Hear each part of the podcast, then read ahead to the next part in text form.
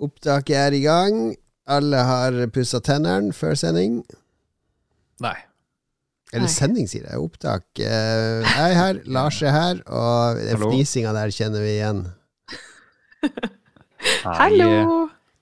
Hallo, Katarina. Lenge siden sist.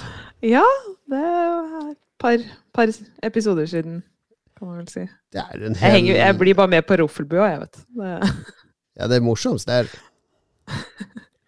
er Ja. litt mindre sendeskjema og eh, skjema generelt. Eh, Men ja, velkommen tilbake i Lolbua. Mats har dratt ut på bøljan blå, Lars. Mm, han skal pumpe olje. Aldri mer viktig å pumpe olje enn i dag. Nei, ikke nå som det, de driver og sprenger gassledninger med ubåter, og det må jeg si, det, det er rene Tom Clancy-roman akkurat nå. Jeg tenkte på det! Akkurat før du sa det, tenkte jeg det her er sånn Tom Clancy-shit. Skikkelig. Hm. Katarina, du Katarina- har innsideinfo om dette, ikke Ja. sant? Eh, ingen kommentar. Eh, Som sånn- vanlig.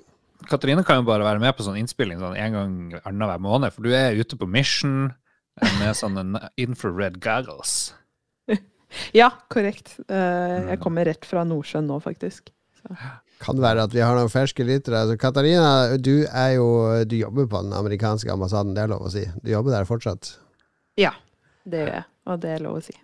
Korrekt. Ja, det er det. For eh, Lars, for nye lyttere, Ja. hvor er det du jobber? Jeg jobber i eh, Nettavisen i Harstad. Ok, ja. jeg jobber i Oslo kommune. Mm. Og det er bare dayjobs på kvelden. Da tar det av. vi egentlig driver med, er jo podkast. Og, og Katarina, du er med av og til uh, når det passer seg for deg. For du, du jobber jo etter sånn amerikansk uh, yrkesstandard, så det er 14-15 timers arbeidsdag og Det, Tre jobber. Det, det er Kjører litt Uber på eh, kvelden. Single mom. eh, Selvfølgelig. Ja, eh, ja, det er litt andre um, arbeidsregler der enn det der i sånn generelt resten i Norge, tror jeg. Men uh, det er veldig spennende, da. Det er veldig gøy. Så jeg klager ikke. Ambassaden er på Det er ikke norsk jord, det er amerikansk jord, og der, der funker ikke Norge, liksom. jorda er flydd inn fra USA. Flere containerfly som kom inn, dumpa jorda der, så det skulle være amerikansk jord. Selvfølgelig. Planta flagg og Ja. Hele pakka. Men eh, hvordan har sommeren din vært, Katarina? Har du, gjort noe, har du hatt noe sommerferie? Nei, jeg hadde ikke noe sommerferie i år. Nei Jeg jobba. Uh, USA. USA. USA. Jeg har litt ferie nå, faktisk. Um, Mm. så det, det har vært deilig. jeg har egentlig ikke gjort så mye. Det var litt sånn uplanlagt ferie. Men uh, har jo gama litt. Mm. Er overkant ferie. Det høres ut som layoffs i min bok. ja, nei, det er ikke det. Det var mer uh, Nå passa det. Det er, det er litt sånn ta ferie når det passer for arbeidsgiver, og ikke Ja, for nå er, det, nå er den konflikten i Ukraina alt roa seg, så nå er det Kan vi sende alle vaktene hjem? Ikke noe å passe på lenger. Bhatti er etterlyst i Pakistan. Terror her. Ja, det var faktisk et uh, diskusjonstema på jobb. Ja, nettopp. Men du brukte å ta ferie når det var uh, Destiny-shit som skjedde. Er det Det kom jo noe Destiny-greier for ikke så lenge Ja, siden. det skal vi høre om i. Spill siden ja. sist, ja. eh, Lars. Mm. Har du noe annet å dele fra livet ditt i det siste? Er det noe nytt? Nei, jeg, jeg, fikk, jeg kjente jeg fikk eh, prestasjonsangst når jeg så sendeskjemaet, så sto det noe av interesse, og så tenkte jeg det er veldig sjeldent jeg har. det er liksom Det er ikke så veldig mye spennende. Det er typisk sånn hemmelig agent. De har de kjedeligste livene, ikke sant, Lars? Mhm. Ja. Han, Jeg har vært på eh, James Syng. Bond han, Vært på Sing? Bond. Væ- væ- væ- Vært på Sing? Oi. Ja. Hva sang du? Uh, uh, Gud. uh, jeg sang jeg En var glad, en glad kalypso om våren. Nei, jeg var med en gjeng som var veldig glad i å synge, så jeg satt egentlig bare og hørte på. Det gikk mest i Metallica Corn Ja, Amerikanere, Ja, det det. var Ja. Så det var mye skriking. Eh, Da skulle du i hvert fall tatt den derre. It's a very racist Norwegian tune. Just, uh, just sing along. great! ja, jeg får vurdere å gjøre det neste gang, tenker jeg. Så, Mm. ja, nei, ellers er uh, livet mitt uh, generelt uh, stille og rolig. Følger du mye med på sjakkskandalen. Er det ikke en amerikaner? Nei, Hvor han er fra? Han der Det er Niemann? Kanskje fra Tyskland? Nederland, kan det? Ned, jeg vet ikke hvor han er fra. Er det Det er jo det mest spennende. Det var jo på Dagsrevyen i går, var det jo en sånn lang greie om en sånn her eh, transperson som hadde analysert masse Magnus Carlsen-games, og så kom masse rare norske eksperter og skulle si ting og tang. Det var veldig rare nyheter eh, i Sportsrevyen i går, det må jeg si. Ganske sære greier. Men eh, OK. Ingen andre som bryr seg om dette enn meg. Ja, jeg var- interessert når de spekulerte i om han uh, juksa ved hjelp av anal, fjernstyrte analkule, sånn at han som sitter med sjakkmaskinen, ser Ok, du skal ta det trekket, så er det tre trykk for E, og så er det to trykk for to. Så sitter jeg og vibrerer tre pluss Fem pluss to ganger i rumpa, så vet jeg ok, det skal jeg flytte til, eh, til E2. Da Ja. må det være fort gjort å bli distrahert av akkurat det. Men det kan jo ha skjedd. Men, men det som er litt rart, er jo at han, Magnus Carlsen sier ja, jeg kan ikke si noe mer uten at han der Hans Niemann eh, sier det er greit. Og det skjønner jeg ingenting av. Hva i all verden betyr det, liksom? I Norge kan du jo si hva du vil. eh, Jeg føler det er så mye koder i den sjakken. Det er litt sånn som mafiaklubb. Det er noe rart. Det er noe veldig rart.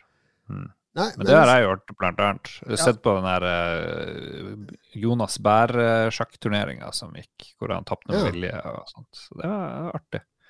Artig å følge med igjen. Hva ellers har skjedd i livet ditt, Lars? Og ikke mer, please, ikke mer rørlegger nå. Det er folk som legger av å høre om rørlegger. Vel, det er ikke mer rørlegger, men jeg trenger en rørlegger, for det har begynt å lekke under vasken, og så klarer ikke vi sjøl å liksom Men gud liksom- i himmelen, kan Ja. du bare brenne ned det huset? Det er ingenting som fungerer i det fuckings huset lenger. For plutselig var det liksom vått på gulvet foran vasken, og bare Jesus lord, og så har Er det du sikker på at det ikke er et av barna som har tissa? Eh, nei, for vi sjekka jo. Ja. Og så prøvde kjæresten å skru fra hverandre rørene og sette inn pakning. Pakningen ser helt fin ut, men eh, det driver og leker litt enda. Men jeg tror det er veldig vanskelig å skru Er, sammen sånne rør. er, er, din, din kjæreste som driver og skrur opp rørene og setter inn pakning, Lars? Ja, hvorfor kan ikke hun gjøre det? Jeg har revet opp gulvet i gangen, så kan vel hun sjekke pakningene under eh, Det har jeg også gjort. Nå har vi nytt gulv i gangen. Ja. Gjedda. La du det nye gulvet, eller bare reiv du opp det gamle? Jeg bare rev opp det gamle. var kjæresten din som la det nye gulvet. Nei, det var han snekker eh, Ernst. Høyst Snekker Snekker. Andersen. Ja, snekker Andersen. Ja. Men nå lukter det trelim i hele huset. Men OK, jeg har en annet lurt å fortelle. Um, En pakning under vasken! Hva?! Kan Herregud, Lars, jeg går det utafor. Jeg går det men nå nedoverbakke. kan, nå kan lytterne komme med gode råd. Eh, hva er liksom skift, Man skifter vel bare pakninger sjøl? Man gidder jo ikke å ringe en rørlegger. Gjør man det? Det virker veldig Du skifter pakning Du skifter du ikke selv. Det var jo kjæresten din som skifta. Ja. Jo, jo, OK. The, the, the royal we. Du trenger ikke en rørlegger for lite lekkasje under. Det er alltid en pakning hvis det lekker i røret under Jo, jo. Men eh, hvis pakningen ser bra ut, hva er liksom Ja, ja, jeg vet ikke. I don't know. Eller så må jeg melde at eh, nå har jeg fått uh, stedattera til å være med på Midjourney-kjøret, som jo man kan gå inn i kunstkanalen i discorden vår. Nå er det bare jeg som er der, for jeg tror alle har gått over til Stable Diffusion og driver og gjør det på PC-ene sine, men det gidder jeg ikke. Så um, jeg driver og Gud lager enda at du skulle skru på den PC-en til noe annet enn podkastopptak. Jeg sliter. Jeg har fått opp greenscreenen min, se. Står bak meg. Jeg ser det. Det vitner jo om eh, ambisjoner. Nei, så å få et en jente til å bare komme med random ord og lage kunst av det, er veldig morsomt. Så det har blitt sånn eh, Oreo-hus, og det har blitt carrot- og broccoli-hus. Så siden det går på engelsk, så er jo ordforrådet hennes verdens største, så det blir bare carrot og broccoli, alt mulig eh, i hele verden. Så jeg må prøve å liksom lære henne litt mer engelsk. Eh, Sparkle og uh, slime, carrot, broccoli. Det er det det går på. det er jo artig, det. Artig far- og datteraktivitet, eller stefar. Det er bonding mellom deg og Mm. Du kan printe ut da, vet du. Henge opp på rommet hennes. Ja, Det er sikkert på printer på jobben, selv om det er en nettavis. Er Utrolig dårlig printer. Jeg brukte den i dag. Herregud. Hvorfor har du så dårlig printer? Dere er jo et mediehus. Fordi vi printer jo aldri noe. Hvor ofte og min jobb har jo sånn svær plotter, så jeg kan printe ut sånne gigantiske postere i farge hvis jeg vil. Det er jo fordi du bor i den der kommunen som eh, Kommunen er stedet å være. Kommunen som har alle pengene til alle i verden. og Katarina jobber for stat, jeg jobber for kommune, og Lars han driver det private. Har ikke råd til Private. printer engang. Herregud. Nei, jeg bruker ikke penger på tull! Hva du skal med en svær plotte, liksom? Vi har workshops hele tida der vi må ha ut svære sånne greier på veggen som vi skal henge Post-It-lapper på og sånn. Ja, skal henge Post-It-lapper på de her enormt dyre greiene? Nå skal vi henge Post-It-lapper på veggen! Sånn som vanlige Det må folk. være noe under, ikke sant? Tenk deg å spille rollespill, ikke sant? Så, så er det greit å ha underlag. Printe ut noe og fikse. Så workshops er ofte sånn. Jeg tror vår eh, datter til Nei, eh, eh, Jeg søstera vedder på jo- jobben til Katarina. De har sikkert, las, de har sikkert uh, 3D-printer. Nei, eh, alt er utdatert hos oss. Oh. Alt er utdatert. Ja, det er offentlig i USA. Men Nei, det er vel ikke det. Utdatert det er jo Russland. Men uansett, jeg skal si det var vår venn Franke, filosofen og fremtidsoraklet. Mm. Søstera hans jobber jo i Riksrevisjonen, så jeg tror vi må tipse henne om den jævla plotteren i ordet. Vi har det inter, både kommunerevisjon og internrevisjon har vi prata med flere ganger, så er det alt på det rene. But here comes Riksrevisjon! Bam, bam, bam! Det, det er litt morsomt Nei, det er ikke så morsomt. Jeg kan fortelle Jeg bikka 50, som sikkert mange har fått med seg. Og nå har jeg begynt å kjenne på Etter 50, ikke sant, så er det bare å begynne å kjenne på forfallet. For nå skal alt Kroppen skal gradvis nå begynne å stenge ned. Uh, synet det er ikke så viktig lenger. Du trenger ikke å se nå, det er så mørkt. Du skal sove uansett. Bare fuck det nattesynet. Trenger ikke å høre så godt lenger. Bare uh, Du trenger ikke å gå så fort lenger. Du trenger ikke å reise deg så fort. Alt sammen skal nå begynne å gå tregere og sånn. Så jeg sitter og nyter og bare kjenner på hvordan eh, kroppen gradvis eh, blir dårligere og dårligere. Det er sikkert min, psyko, eh, min, min hjerne som innbiller seg, men ikke sant? i dag skulle jeg gå og hente noe sånn pakkepost. Altså, da kjenner jeg litt sånn i låret. Det er litt vondt i låret når jeg går, for nå begynte jeg å gå litt for fort. Jeg, må, jeg rakk ikke å varme opp låret ved å starte i litt sånn rolig tempo. Jeg begynte å gå altfor fort, for jeg skulle skynde meg til den pakkeposten. Så jeg kjenner, ok, jeg kjenner låret vil ikke at jeg skal gå så fort, så jeg får, jeg får sakke litt ned. Og eh, det er my mye sånne småting jeg begynner å kjenne på i kroppen, at nå, nå inntreffer forfallet. Lager du lyder når du reiser deg? Å ja, det har jeg gjort i ti okay. år. Jeg gjort okay. Se nå, nå skal jeg rette litt Oi, oi, der. Oh, oh, sånn. Men driver du og trener nå for tida, eller? Hvordan er det? Jeg sykler jo til og fra jobb på den der jukse-elsykkelen, og det er nok til 600 kalorier å bli litt andpusten. Eh, men uh, ja, det er, ikke, er ikke så mye mer enn det. Ja. Kan vi få. Kan vi få Katarina til å lage et sånt uh, 50-ish treningsprogram? Men det er ikke noe poeng! Det er jo ingenting som blir sånn som det var før. Du kan ikke ta en bil, en 20 år gammel bil, og begynne å pusse og gnikke og, og Du må bytte ut alle delene hvis den bilen skal prestere. Du kan ikke få den 20-30 år gamle motoren til å prestere sånn som det gjorde når den bilen var ny. Det går ikke. Ok, så Som profesjonell eh, atlet, eh, delvis sammenlignet med oss, i hvert fall, Katrine, er det noe vits å trene i det hele tatt? da? Det går jo bare Ja. nedover uansett.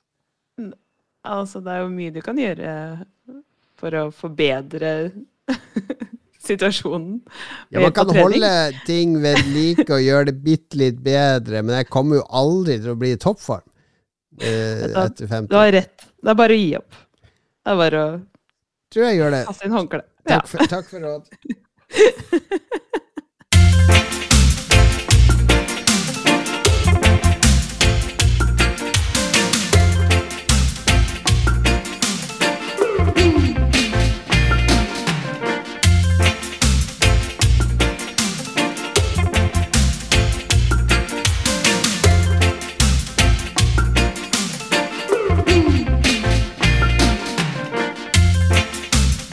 utrolig kjente spillet Ballistic på PlayStation 1 hører vi musikk fra her. Ballistic, det husker jeg. Det handler om baller, ballastikk. Ballstick, som det het først, men de bytta det. Nå vel, skal vi se hva det handler om. eh, det er jo bare random musikk jeg har funnet her og der, men nå ja, De har det på Amazon. Mm. Ballistic. Herregud, det er jo ingen info om det. Jo, her. eh, det heter Puss Loop på, i Europa. Mhm. Litt sånn fin reggae-aktig musikk, i hvert fall. Det kom på Nuo nå. What? Hva var det for noe igjen? Det var en sånn DVD-spiller som også var en spillkonsoll. Nice. Fordi Jeff Minter lagde selvfølgelig et eksklusivt spill til Nuon. Som, eh, det gjorde han jo med alle maskiner. Eh, Laga av eh, Mitchell Corporation. Eh, Herregud. japansk de, Hva er det de som har laga som er kjent? Ingenting. Poker Ladies i 1989. Hvor det går, Katarina? Men nå sitter jeg og ser på Jeg lurer på Er det sånn du skal skyte Ja, ja. Jeg lurer på om det er som Zuma på eh, Xboxen. Du skal Mm. skyte baller i samme farge, og så forsvinner de etter hvert. Ja, det er akkurat Ja. Zuma på Xbox 360, hvis du husker det, Lars. Zuma var jo bra. Sånn Ja, veldig bra. Så det er altså originalen til Zuma, rett og slett. What? hørte der. Hva man kan lære i LOL-buen. Altså, vi kan også lære litt om spill, for nå er jeg kommet til spillspalten. Og jeg syns Katarina kan få begynne, for nå er det lenge siden vi har hørt noe fra Destiny 2. Jeg ga jo en kjapp oppdatering når Season of uh, The Plunderer, er det det det heter? The Eh, Season of Plunderer, ja. ja, den dukka opp uh, for noen uker siden, og nå er vi vel i uke fire eller fem. Og Destiny 2 har fått mye kritikk. Det er en eller annen storyline og en, eller annen reward som eh, Bungie har gått tilbake på. Kan, kan du fylle oss inn, reporter Katarina? Ja, altså eh, Det er jo Jeg vet ikke, det har kanskje blitt litt for casual-vennlig, for nå er det jo sånn at du kan ikke eh, De autofinisher eh, noen quests og sånn for deg, fordi det liksom er for vanskelig å få til selv. Som er litt Det er, det er jo for så Ja vel. Nå ble Lars Ah. interessert. Mm. Kan jeg spille Destiny uten å spille? Ja. Kan jeg bare logge på og så bare whoosh, masse lyd? Nei, altså det er ikke helt sånn det fungerer, men uh, altså den luten som du får, noe av det blir jo få- Ja, det er jo en del som For eksempel til Hunter så er det en exotic eh, gear piece som de som de fjerna, som du ikke kan bruke lenger eh, fordi de skal fikse den, for den var visst eh, litt OP. Og nå har den vært ute i rotasjon i en god stund, og det er liksom Det er litt kjedelig. Et trøbbel i Destiny, høres det ut som. Ja og nei. Altså, for sånne som meg som syns Destiny fortsatt alltid er gøy, så er det jo Jeg koser meg jo, men det er jo selvfølgelig Jeg ser jo diverse bugs som de kanskje kunne fokusert litt på, istedenfor å bare nerfe alt som er, så kunne de kanskje fokusert litt mer på å gjøre ting som er Gjør spilleopplevelsen bedre eh, Mm. tilgjengelig igjen, da. Um, og nå har vi jo Forrige sesong så var det jo Solar 3.0, og nå er det jo Arc 3.0, og det er jo Det er ganske Jeg liker at de eh, forbedrer abilities og supere og sånne ting, sånn at du det blir en litt ny opplevelse, selv om det er mye av det Altså, Destiny er jo Destiny, og mye er, er jo det samme, men det er eh, du, du får spilt karakteren din på en annen måte, da, med de nye, eh, nye måtene å, å utforme karakteren på. Mm. Så, så nå har jeg vært igjennom eh, Jeg fant en eh, artig gjeng. Beklager, jeg måtte forlate Lulba-klanen En veldig Det var- aktive Lolbua-klan. ja, det var, var ikke så mye som skjedde, men jeg, eh, eh, så jeg har raida nå med en eh, veldig ålreit klan som eh, Så jeg har vært gjennom alle raidene som er tilgjengelig. Uh, og det For jeg hadde jo ikke Jeg har jo ikke raida siden uh, Leviathan, Nei. Så Mm. nå har jeg på en måte gjort alt uh, som er tilgjengelig etter det. da. Hva er de bra raidene nå? Hva var topp top notch? Kings, Kingsfall er jo gøy. Uh, det er jo tilbake. Uh, og Bolt så of Glass holder seg fremdeles. Walt of Glass mye lettere enn det det, det, det var sist jeg gjorde det. Uh, og så er det vel eh, den Garden Garden. Jeg husker jo ikke hva hele raidet heter, men eh, det er også visuelt veldig fint raid.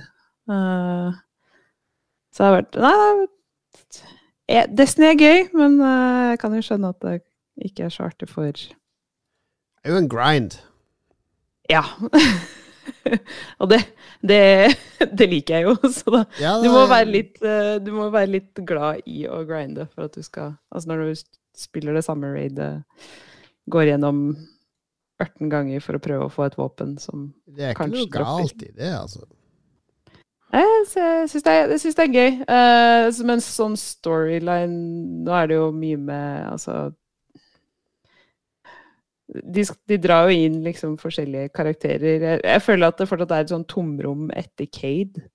Mm. Eh, som nå liksom skal Drifter Nå er han litt i fokus også. Det er, det er, det er liksom ingen karakterer for er min bare Han når jo ikke Cade til knærne engang. Nei, så det er det, det er liksom det jeg tror Jeg vet ikke om de prøver å finne noe som kan på en måte fylle etter Cade, men det, det så langt så har ikke det gått så bra. For min, altså, etter min mening, da. Lars? Kingsfall, det der hvor du må hoppe på de her romskipene i starten, det er jo fantastisk artig. Jeg husker jeg, Det var jo stor dødelighet eh, periode. Ja, øh, og så er det jo veldig lett å dytte folk av. Shoulder charge, eh, Titan eller eh, et sverd der, så blir det kan det fort bli ganske toxic. Men, eh, men ja, det er, det er fortsatt høy dødelighet på jumping puzzles. For Ja, min det er del. i mye hvert fall. jumping puzzles. Åh, Ja, jeg husker det det er er så den, gode eh, minner. For det er bestandig én eller to eller tre kanskje som ikke klarer de jumping-greiene. ikke sant? Eh, I hvert fall når vi spilte med vår gjeng. Ja, så den derre penisveggen, jeg vet ikke om du husker den, uh, i Kingsfall. Ja. Der, Yes. der de kommer sånn skytende ut og kaster deg ut av, til siden. Eh, Er det det Mm. det kalles, den veggen? Er det offisielle Bungie-navnet? Penisveggen. Ja, det hadde jeg ikke hørt om heller. Men jeg Nei, altså. Jeg vet hvilken vegg vi snakker om, men jeg tror aldri vi har kalt den penisveggen. Nei, vi gikk glipp av det. Ja. Hvordan raid var det der hvor du starter, med å hoppe ned i sånt svart hull, og så er det bare én million sånne eh, zombier som kommer er etter deg? krota. Det, ja. Ah, det var artig, jo. Ja, ja. Det Good var ikke så artig. Det var ikke... Men penisvegg, altså er, eh, Du er singel fortsatt, Katarina? Er, eh, er det det? Nei, altså, det var faktisk ikke jeg som kom med Jeg hadde ikke hørt det før, jeg heller. Før den Ser penis jeg Du begynner å se penisvegg, altså er det på tide å komme seg på Tinder igjen, Katarina.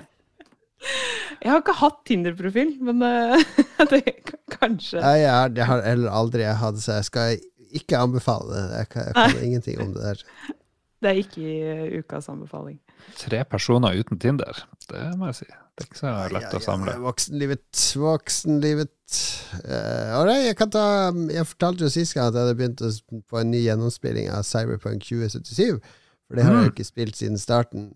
Fordi Samtidig så har jeg sett på den Netflix-serien Cyberpunk Edge Runners, som eh, polske CD Project Red har laga sammen med et japansk eh, anime-studio. Så det er jo en anime. altså Hvis du den- skal se den på originalspråket på Netflix, så er det japanske stemmer og sånn. Eh, Så jeg har sett både litt med japanske stemmer og litt med de amerikanske, fordi det føles litt rart med japanske stemmer i en by i USA. Så det foregår jo i Night City. Men den eh, serien er ganske kul. Altså, den er foregår jo i samme sted som spillet, så du kan kjenne igjen locations og utstyr og biler. Og når de ringer i telefonen, der så er det akkurat samme lydeffekter som i spillet og sånn. Og det er jo ikke bare jeg som syns at det er litt sånn kul eh, hva heter det, transmedial kobling mellom serie og spill. Fordi spillertallene på Cyberpunk 2077 har jo eksplodert den siste uka. Det har gått opp og opp og opp, så det er jo ganske mange som har begynt å spille spillet, eller spille det på nytt, eller spille det for første gang nå. Mye på grunn av den Netflix-serien som har gjort det ganske bra.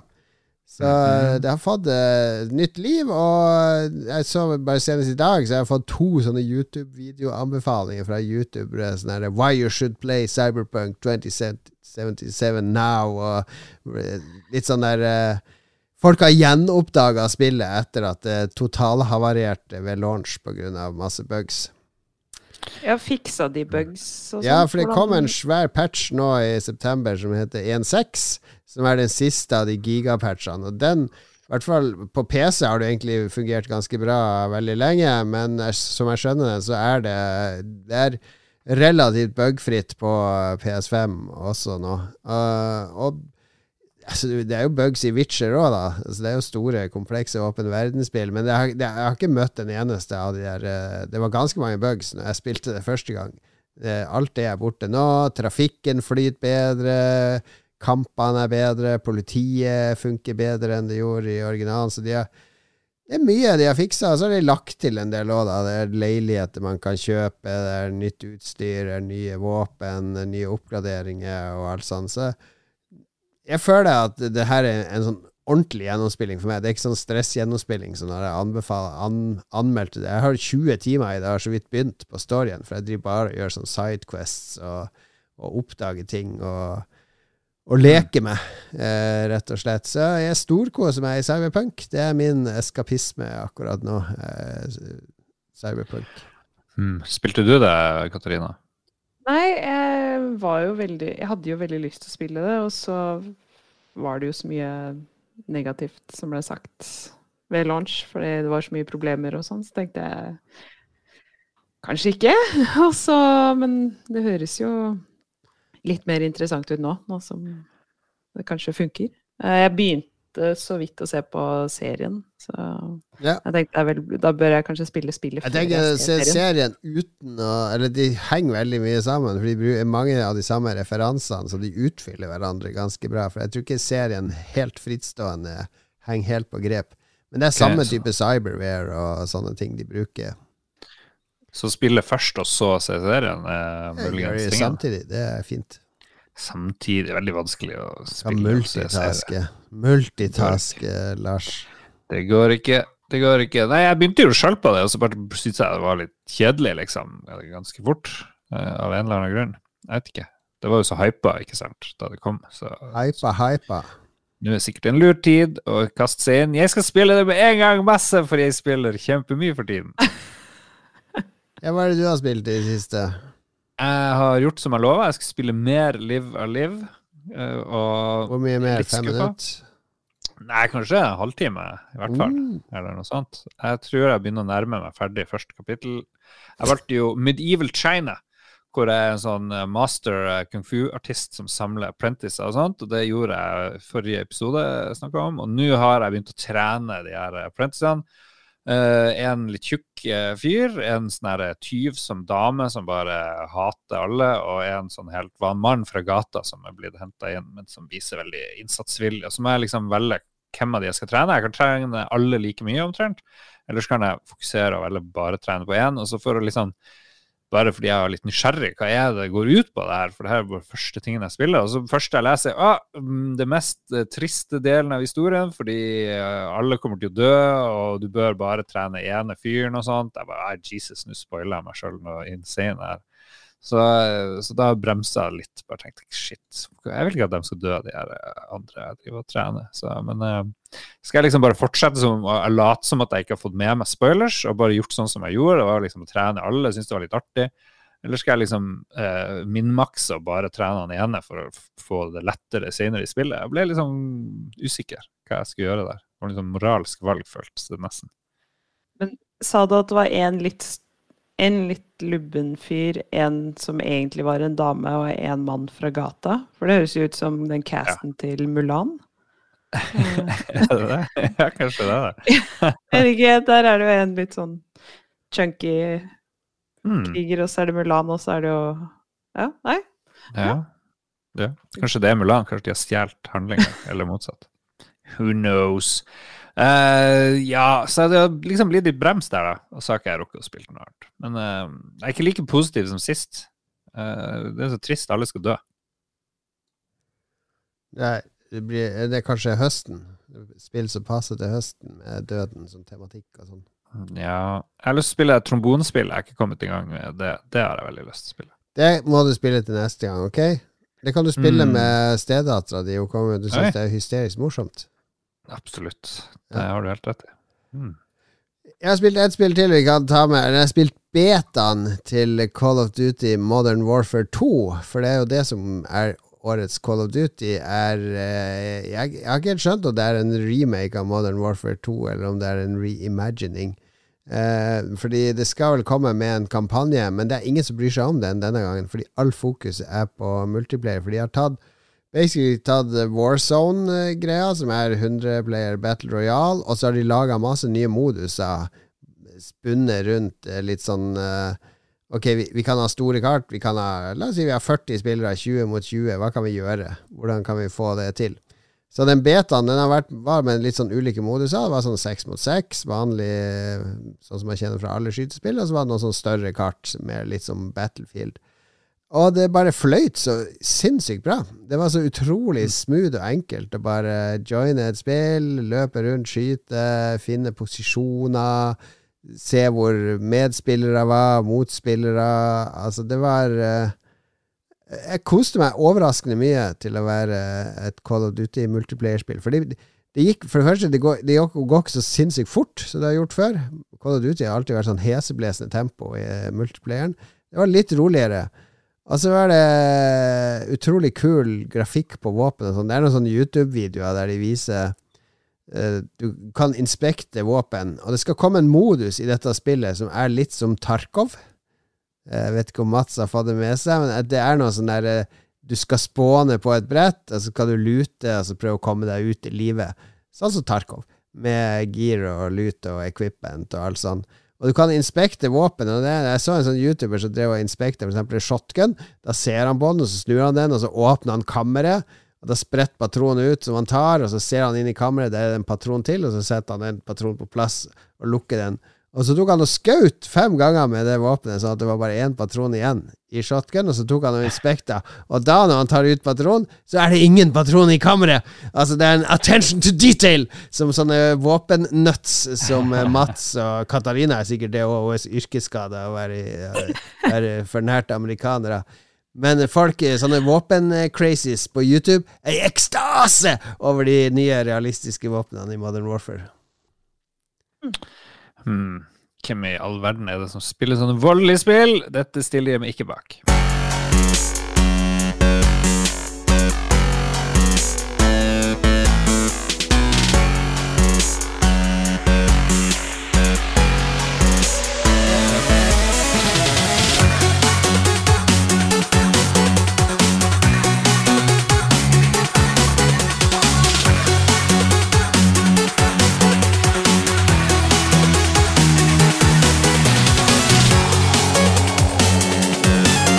Crypt of the Necrodancer var det vi hørte musikk fra. Det er veldig artig spill. Absolutt. Anbefales. Det kom jo til og med en egen sånn Zelda-utgave. Uh, crossover mellom Crypt of the Necrodancer og Zelda, som også er veldig artig. Hva det er det for noe? Crypt of the uh, Fairies? Uh, Necromancer, Zelda Jeg har det jo. Cadence of Hyrule heter det. Mm. Nice. All right, men det skal ikke handle om Eller det skal. Vi skal faktisk innom Selda nå. For vi har kommet til uh, vår superpopulære spalte, de 400 beste spillene fra de 400 siste månedene. Verdens dårligste idé? Nei, nå har det jo vært eh, debatt i vårt entourage den siste uka. For det var noen som mente at nå ble det ble det for mye Jon Cato her. Skal ta måned for måned i stedet for år for år. Du er selvfølgelig helt enig, Lars? Stiller meg bak det. Helt enig, folkens. Bra. Ja, men det var ikke en, Vi må gi det en sjanse. La det, se, om, se om det går seg til. Mm -hmm. Jeg må jo bare arrestere deg med en gang, fordi uh, One Man and His Droid i den videoen du la til, der står det at spillet kommer i 85, og det kom visst i desember 85. Da klarte jeg å google til. Ja, den, i Norge. Det, det, de, de dataene på 64-en De er litt uh, flimsy, men det er, det er estimater. Mm -hmm. okay. Estimater, Lars. Mm. Vi lar det passere så lenge jeg kan dra inn Samantha Strippe-poker eh, Samantha faktisk poker når som helst i Ja, du kan ha det som en joker. Men konseptet er i hvert fall at vi skulle kåre de 42 beste spillene fra de 42 de siste årene. Og så fant jeg ut at uh, å ta for seg et år, det er det 50 spill som det er verdt å snakke om. ikke sant? Fordi vi kan selvfølgelig bare snakke om I 86 da kom The Legend of Zelda. Ferdig snakka, trenger ikke å snakke om noe annet. Sånn, vi har kåra det, gå videre. Det er 1000 podkaster som har gjort det før oss. Legend of Zelda er jo snakka i hjel. Vi må jo heller hente litt eh, fra spillhistorien. Løfte litt av de ukjente perlene som kanskje er verdt å nevne.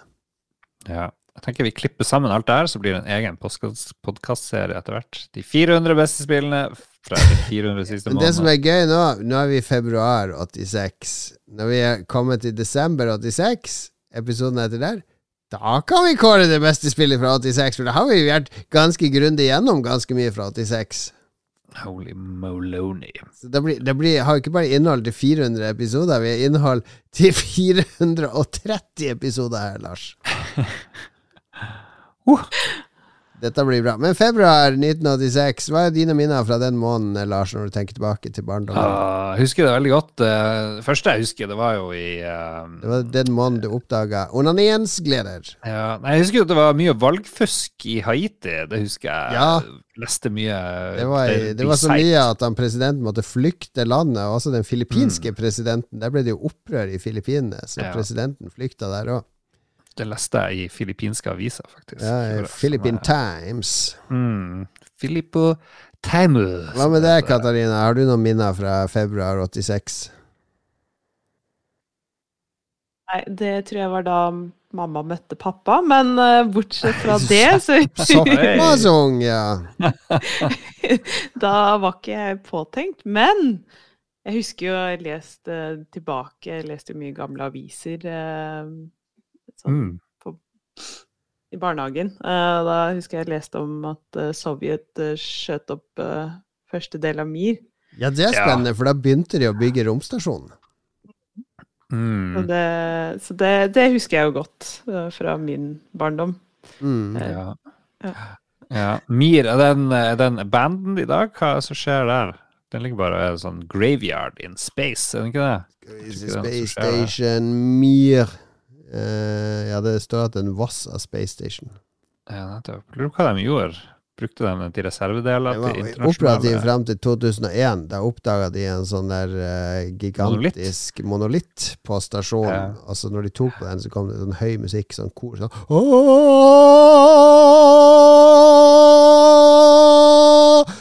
og så døde, døde de. Ja. Det, det leste Katarina også om i barnehagen. Yes.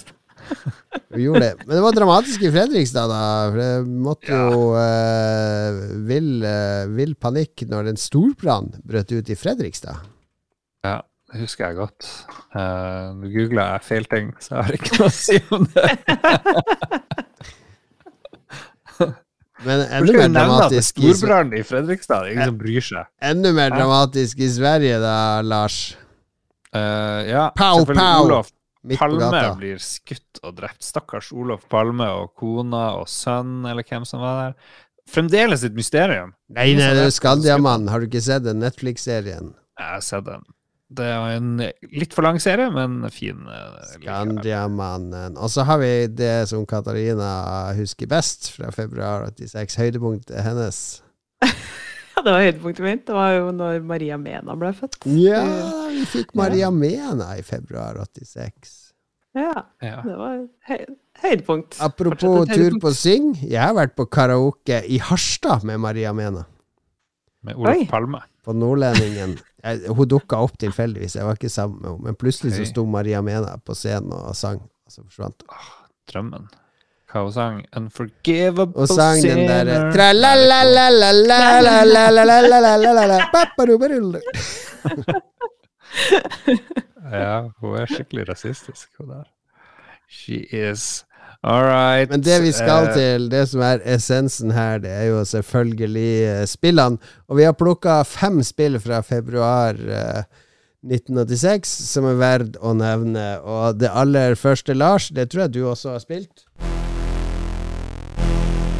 Yes, I have. Det hørtes sånn her ut.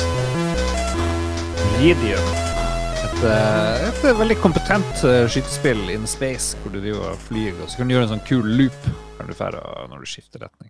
Et spill eh, inspirert av Defender og sånn, ikke sant, der du flyr fra høyre til venstre, men med en helt enorm fart, for du flyr et sånn lite romskip over gigantiske sånne kampromskip. Så du flyr over overflata, og så har de brukt med den lille fargepaletten de har, brukt uh, veldig smart uh, skyggeeffekt, ikke sant? så det ser litt tredimensjonalt ut. Og det var jo også ting du kunne krasje i, så du måtte dodge opp og ned, og så kom det fiender. 15 eller 16 sånne store slagskip var det, og det var jo laga av en trollmann på 64 som heter Andrew Braybrook, eh, som eh, før dette lagde Paradroid, som er et av verdens beste spill. Ja, som vi bare ignorerte da det kom i 84, eller jeg husker ikke hva ja, det var. det året jeg ikke var med her i Lolbua. Men, eh, men det, det, er et spill som, hvis du går på YouTube og ser Det ser smashing ut fortsatt. Altså Det holder seg veldig godt, den stilen og det tempoet. Ja, det ser veldig bra ut. Det, når du får sånne videoer på YouTube, så er det jo sånn HDMI-konversjoner og litt sånne upscale-greier. Men de spillene så jo faktisk enda bedre ut på sånne gamle skjermer, for da blø, blø, blødde det det. Mm. fargene i hverandre, og det ble litt sånn mykere, og du fikk sånn illusjon av ting som var der, som kanskje ikke var der engang. Så det er litt sånn kjipt med de nye opptakene av gamle spill.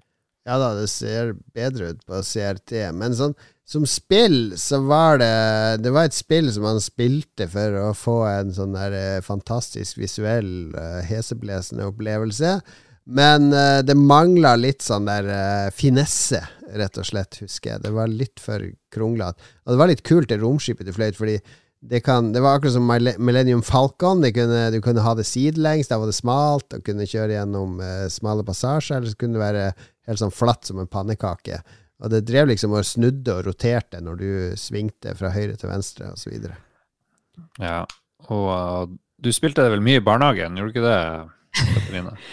eh, nei, ikke så mye i barnehagen. Det var mer sånn uh, hjemme. Uh, vi hadde ikke så mye TV-spill i barnehagen, eller PC-spill. Mm. Men uh, hjemme så spilte vi jo selvfølgelig masse av det her ja. i, i 86. Ja.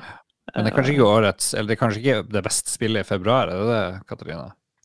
Eh, faktisk, det jeg så på lista Nå må jeg si, nå har, har ikke jeg spilt så mange av dem, men jeg syns det så mm. Etter min eh, ja, Jeg syns det var det som jeg kunne okay. faktisk ha spilt nå. Hvis du ser eh, skjermbildet av det, så kan det se ut som en 80-tallsspill satt til Destiny-universet. ja.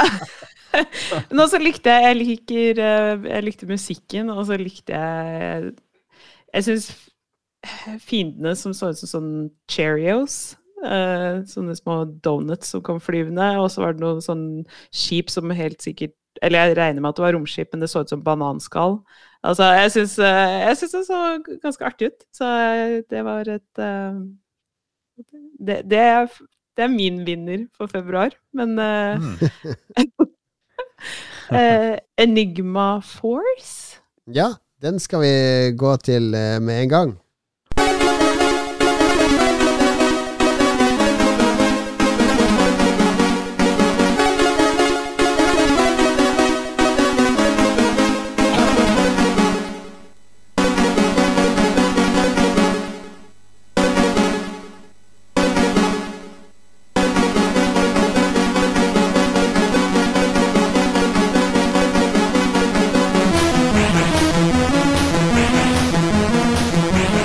Høre så lenge på den sangen, fordi uh, den er en veldig fin eh, intro og eksploderer liksom der. Fred Gray er det vel som lagde musikken til Enigma Force i sin tid. Husker du dette spillet, Lars? Nei, jeg kan ikke si jeg husker det.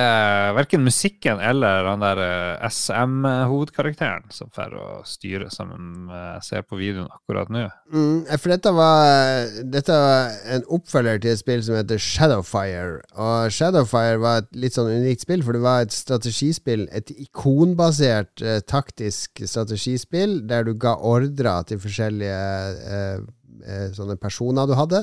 Styrte soldater Gå til det rommet, plukke opp det, sett ned det, skyt med den, trykk på den. Ved å trykke på sånne ikoner på skjermen. Så jeg tror til og med det var versjoner det du kunne styre med en sånn lyspenn og en sånn pad og trykke, som var ganske avansert å være i 1985. Men det spillet var litt Det fikk god kritikk, men det var veldig sånn vanskelig å komme inn i. Jeg har faktisk spilt det i nyere tid prøvde å spille det. Det er veldig vanskelig å skjønne egentlig hva du holder på med, fordi det er så lite visuell informasjon å få tilbake. Så oppfølgeren Enigma Force, som kom senere samme år, da er hele øverdelen av skjermen er uh, som en film, der du ser styrkene dine. Og spillet går ut på å velge Jeg velger den karakteren, gå to rom til høyre, trykk på en knapp, og så kan du velge neste karakter. Og da gjør begynner den første karakteren å gjøre det, så kan du gi nye ordre. Du kan gi ordre til alle samtidig, så det er sånn real time. Så du kan koordinere dem når du begynner å bli kjent med kartet. Så kan du koordinere og Ok, han møtte en fiende der, jeg sender han til å hjelpe. Eh, I mellomtida så må du sørge for at det skjoldet går ned. Så et strategispill, rett og slett, eh, med, med realtime-elementer. Ser jo helt ko-ko ut, hele greia. Det ser ut som en sånn Maniac Mansion, bare uh, gone very crazy. De har veldig mye ikoner på nedre del av skjermen, og så har du grafikken over. Og så har du til og med en OBS-ikon. jeg vet ikke hva som skjer hvis du trykker på ja, Det er for å kansellere en action, hvis jeg husker rett. Det går jo ut på at du skal fange eller ta livet av en, en Du skal redde en, en, ambassadør fra den onde general Zoff, som du skal fange eller drepe. Mm.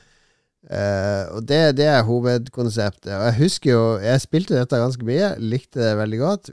Ble aldri så god, men vår venn Knut fra hytteturen, han, mm. han spilte runda dette så mange ganger at han kunne oppi hodet sitt hele det mønsteret av de 500 kommandoene du må gi på rad for å klare det.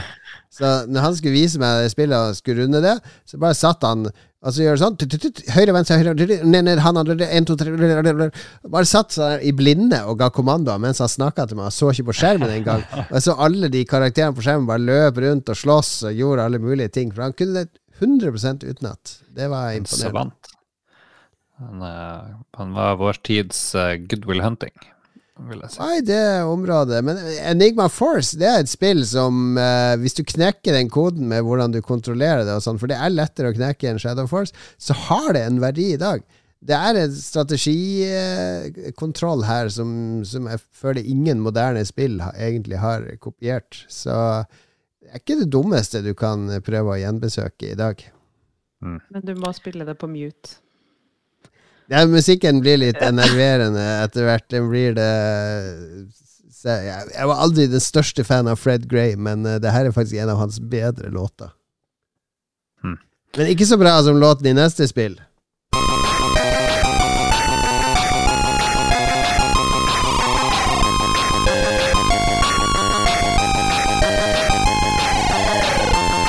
Har jeg rett hvis jeg tror at du bare velger spill basert på musikken? Nei, det gjør jeg ikke. Det var helt tilfeldig denne gangen at uh, nesten alle spillene har veldig kul musikk. Og dette er jo selvfølgelig Rob Hubbard uh, vi hører i bakgrunnen. Uh, musikken til spillet One Man and His Droid.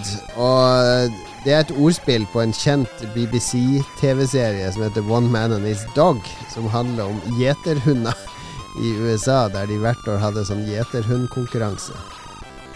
Ja. Men du spiller en sånn brennmanet? Ser ut som. Du spiller en robothund som skal gjete robotsauer.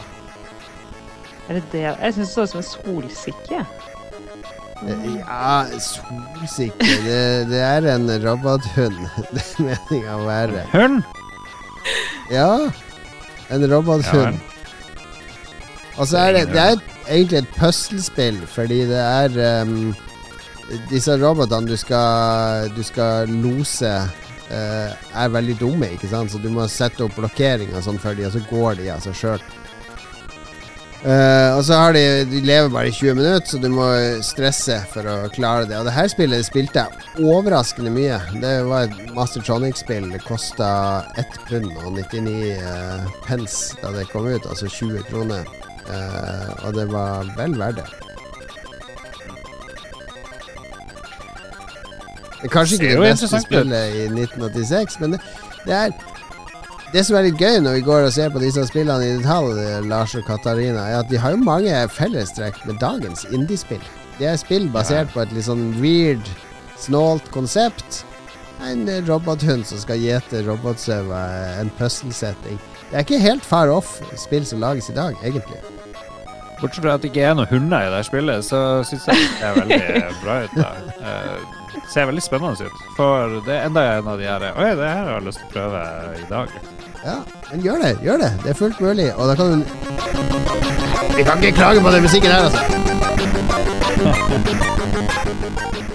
Mesteren sjøl, Rob Hubbard. Oi. All right. All right. Da har vi et arkadespill som står på uh, programmet. Mm. Ikari Warriors.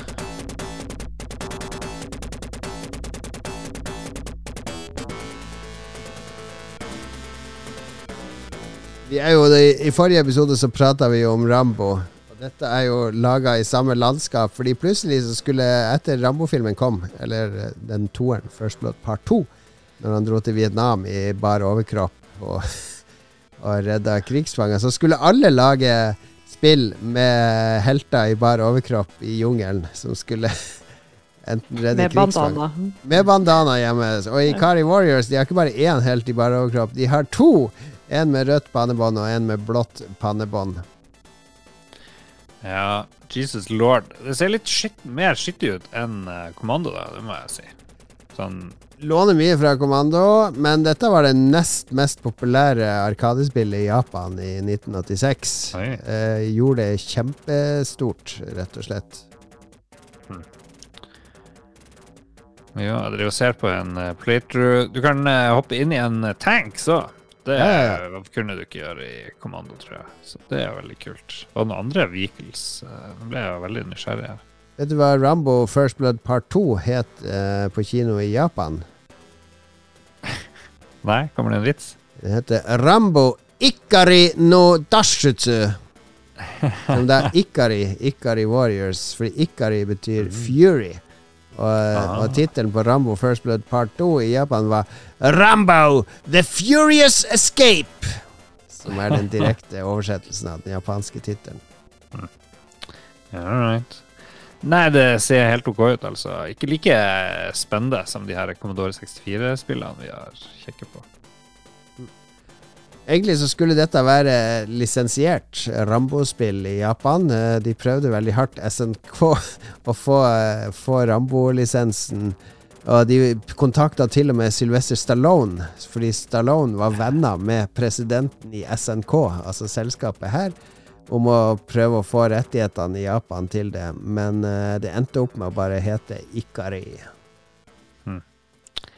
All right. Ja, det var alle spillene vi hadde fra februar eh, 1986. Ett igjen. Ett igjen. Jeg tror det er stor sjanse for at det blir eh, vinneren.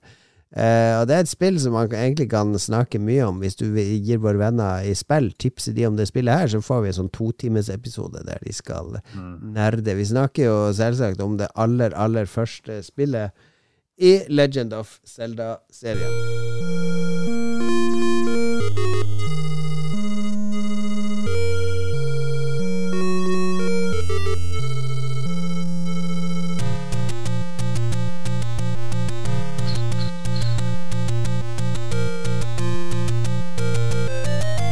Jeg ber dere høre på musikken, mine venner.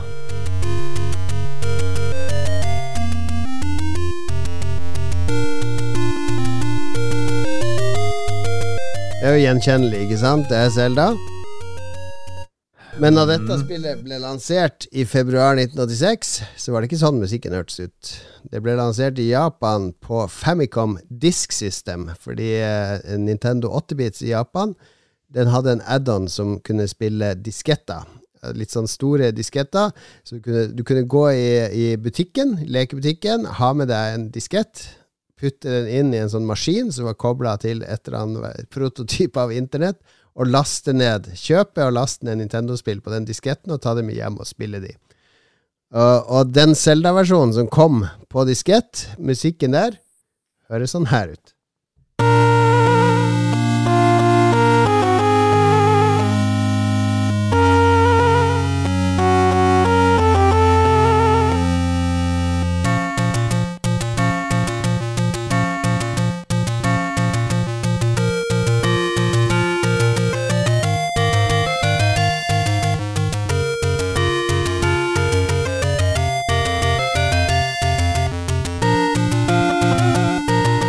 Hører forskjellen.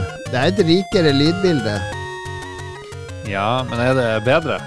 Det er jo Så, lide, så strides de lærde, eller de nostalgiske. Det er jo ingen tvil om at det her er bedre enn det her. Det her er jo mye mer sånn pipemusikk. Fordi når de skulle over på cartridge, ikke sant, så måtte de spare på plass, og da ble noe av det som er veldig forskjellig i den diskversjonen og den vestlige versjonen som kom på cartridge, er musikk og lydeffekter. Det er helt forskjellig bombelyd, det er eh, masse, masse lydeffekter som er forskjellige. Mm. Interessant. Nei, men Her tilfører du oss ny kunnskap, og det setter jeg pris på. Det Når jeg ser eh, og, og, tenker på Legend of Zelda, er jo at det er Ok, det har blitt litt modernisert, men det er jo basically sånn sjangeren er i dag fremdeles, uh, og fungerer i dag. Så blueprinten var nesten på plass fra første stund. Ja, Blueprinten fulgte det jo i alle år, som er det der med stegvise oppgradering. Altså få bumerangen, få hookshoten, få bombe osv. Som gradvis åpner opp mer og mer av kartet, og også gir deg tilgang til områder der du har vært tidligere, fordi du nå har det riktige utstyret. Uh, og det er jo egentlig først med Breath of the Wild at de torde å gå bort fra den progresjonen. Uh, fordi Breath of the Wild har jo egentlig fem sånne hovedpowers som du får ganske tidlig. Og så er det ikke sånn veldig mye oppgraderinger gjennom spillet. Du kan ta de der uh, fire main dungeons i den rekkefølgen du vil. Så det bryter litt med formelen, som enkelte Zelda-purister mener Nei, dette er feil, fordi vi skal gå, vi skal gå den der trappa oppover som vi alltid har gått. ja, jo, det er jo greit å komme med forandringer, men uh, de blir jo sikkert å gi ut nye Zelda-ting. sånn på Switch og sånne greier, som følger det gamle. Litt sånn Metroid-stil. Ja, vi får se. Først kan Breath of the Wild 2 komme, og det tror jeg blir uh, kjempebra. Uh, en annen forskjell fra den diskversjonen av Legend of Zelda og, Fordi diskutgaven av, av Famicom, altså den Nintendo-konsollen, der hadde den ene håndkontrollen hadde, var, fungerte også som mikrofon. Det, det var What? spill der du kunne snakke til konsollen og sånn. Ja, det var ganske avansert. Og sånn var det ikke på de uh, Nes-maskinene som kom i Vesten. Det var jo en billigere variant. Men i Famicom, eh, altså i eh, diskversjonen av Selda, så er det en fiende som eh, Det står i manualen, han, han hater høye lyder. Og når du møtte han i spillet, så kunne du, hvis du hadde en kontroller 2, så kunne du fære uh, uh, uh, og rope inn i den. Og da ville de, de fiendene bli stønna og stå sånn på skjermen og være stønna i flere sekunder. Så du måtte bruke den mikrofonen for å stønne de, ikke sant, før du tok de. og dette endra de jo til den vestlige versjonen, så i stedet så tror jeg piler gjør mer skade mer, Du må skade han med piler først før du kan drepe han, i stedet for å rope inn i den mikrofonen. Men i manualen i Vesten så står det fortsatt at de hater høye lyder. Eh, altså, selv om akkurat det ikke funker i den vestlige versjonen. Mm. Cool. Um, Katrine, det, du må jo få lov å kåre vinneren her, føler jeg, av alt på vegne av ja. uh, Mario Cato. Ja, og det er jo ikke noen tvil om at det er Uridium som stikker av. Nei, det Nei, jeg vil si kanskje Greit, da. Legend of Zelda på førsteplass. Men jeg syns Uridium bør på andreplassen. Ja. Jeg, jeg, kan stille meg bak det. Hva med det, Lars? Jeg er helt enig. Katrine, god smak som alltid.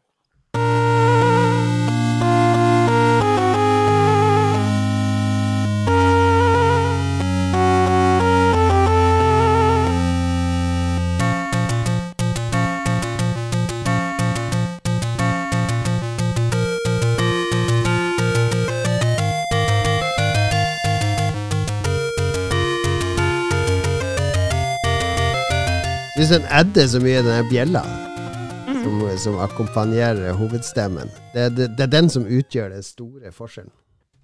Man må jo bli glad når man hører den musikken. Men uh, ja, er det nå jeg skal si at jeg har jo ikke spilt uh, så veldig mye av Brett of the Wild-spillet, uh, da. Det, det, vet alle fra før av. Det er ingen ja. som tror at du har spilt så mye av noe som helst lenger, Lars. Etter Destiny 1 så er det ingen spill du har spilt i mer enn en time. Destiny 2. ja, det er sant. Jeg anmeldte anmeldt det til og med for Pressfire. Ja da. En fortjent terningkast seks, eller hva du ga for noe. Og, apropos anmelde og anbefale. Nå er vi i anbefalingsspalten, og gud bedre, Lars, du må faktisk uh, What? Det er det forsikringer, det er uh, Ok, la oss spare Lars det siste. Jeg kan begynne, jeg.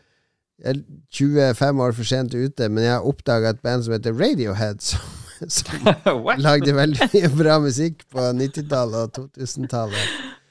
Mm. Eh, grunnen til at jeg oppdaga det, er at jeg hørte noe som heter eh, Hva heter det? Musikkrommet? Er ikke det et program? Eh, Gud vet. Det er en podkast og et radioprogram med Sandeep Singh på, på NRK. Eh, Det heter Musikkrom, og i hver episode så tar de for seg et band. Eh, De har tatt for seg Kvelertak, Tøyen Holding, Beyoncé, Bjørk, Kate Bush, Radiohead. Og så har han med seg en eller to gjester som er veldig kunnskapsrike om det bandet, som, som liksom kan alt. Og så går det gjennom på en måte historien, og det er lydklipp fra intervjuer, det er klipp fra musikken de spiller, det er oppturene og nedturene. Og når jeg kjørte fra hytteturen vi var på, Lars, så hørte jeg på dette på radioen. På P13, eh, musikkrom om Radiohead. Og Radiohead for meg det er sånn band som jeg aldri orka å prøve å høre på, for jeg har alltid tenkt at det er litt sånn Det er litt sånn eh, flinkis, eh, indie, grunge, uh, synt, eh, rock. Og vi er så Mhm. utrolig flinke og, og, og eh, Hva heter det? Avantgarde og litt sånne ting. Jeg har litt sånn avsmak for sånt. Men etter å ha hørt det programmet, så bare Jeg må, jeg må høre på den og musikken til Tom York og sånn. Og nå har jeg begynt å høre på masse på OK Computer, Kid A, Amnesiac, og jeg er altfor sent ute. Det er litt flaut å innrømme det, men jeg, jeg synes akkurat nå for meg så er Radiohead eh, verdens beste band. Mm. Jeg hadde den der OK Computer på CD en gang. Jeg tror jeg var i sånn militær omtrent. Vet du hvor de har tatt navnet på den uh, plata fra? OK Boomer. Nei, det er jo fra Hitchhiker's Guide to the Galaxy. For dem, når du snakker med Ah. computeren der, så er det OK Computer. Og den er jo også min Google-assistent som står i stua, som egentlig bare fungerer som klokke, men den kan jeg også snakke til. Det er sånn OK Google, kan du si. Altså eh, Ah. hva, Hvor kaldt er det ute? Det skal Ja. du drite i. Jeg har ikke hørt så mye på, på eh, Radiohead generelt, men akkurat den plata hørte jeg helt sinnssykt mye på, så den var veldig Ja, det var det. Før, før det så var det Det var da det var Creep. Da var de sånn rent rockeband som alle andre. Og så OK Computer, da spilte de inn på en eller annen eh, herregård i, i England, der de isolerte seg og skulle finne seg sjøl og finne opp kruttet på nytt. Og det var jo det som var det fantastiske gjennombruddet deres. Så ble det stadionrockturné i halvannet år, der han holdt på å gå under han Tom York.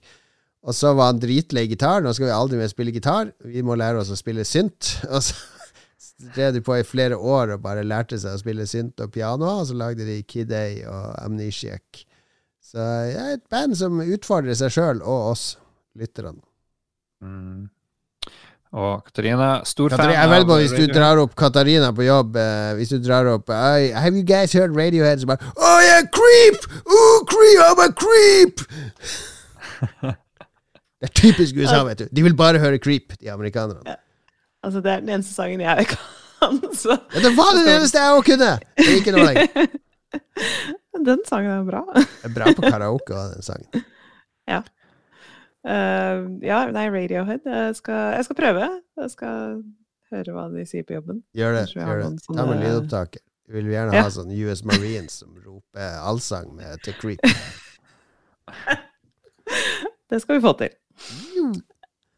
Um, nei, eh, som eh, Jeg vet ikke hvorfor, men jeg tror det er, det er jo mye memes og sånn om det her, men eh, Damer og skrekkfilmer og eller sånn dokumentarer om seriemordere og de tingene der. Det er jo Jeg er jo tydeligvis en av Du er en av de. Jeg er en av de. Du tenker er av hvis bare jeg hadde møtt han og gitt han kjærlighet, så Nei, hadde han blitt nei. kurert. Nei, altså nei, det er ikke det jeg tenker. Men jeg, og Batti, stakkars Batti, misforstått mann nede i Pakistan. Hvis bare han får min kjærlighet, så skal du se at da blir det skikk på han.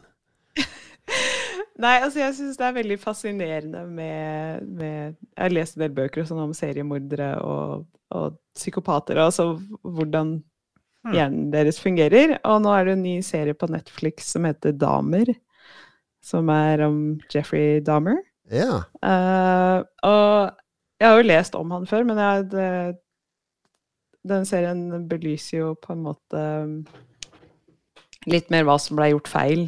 Eh, For han kunne jo blitt tatt før.